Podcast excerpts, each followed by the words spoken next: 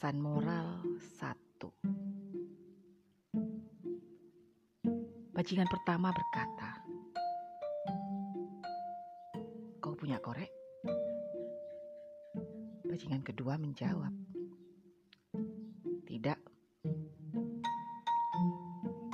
Bajingan pertama menyahut, Oke.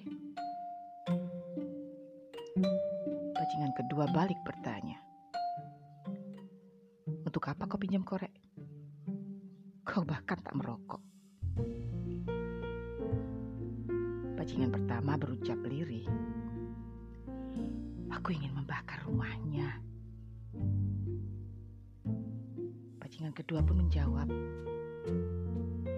Baiklah, akan aku pinjamkan sebuah korek. Lalu bajingan pertama kembali bertanya, Pada siapa?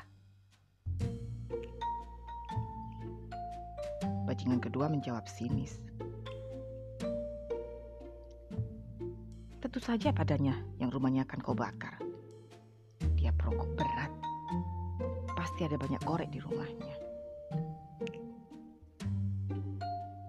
Bajingan ketiga menatap bajingan pertama dan kedua dari balik kaca jendela rumahnya.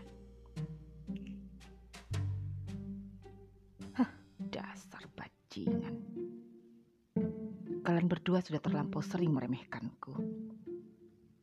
Tunggu saja, akan kubumi hanguskan rumah kalian.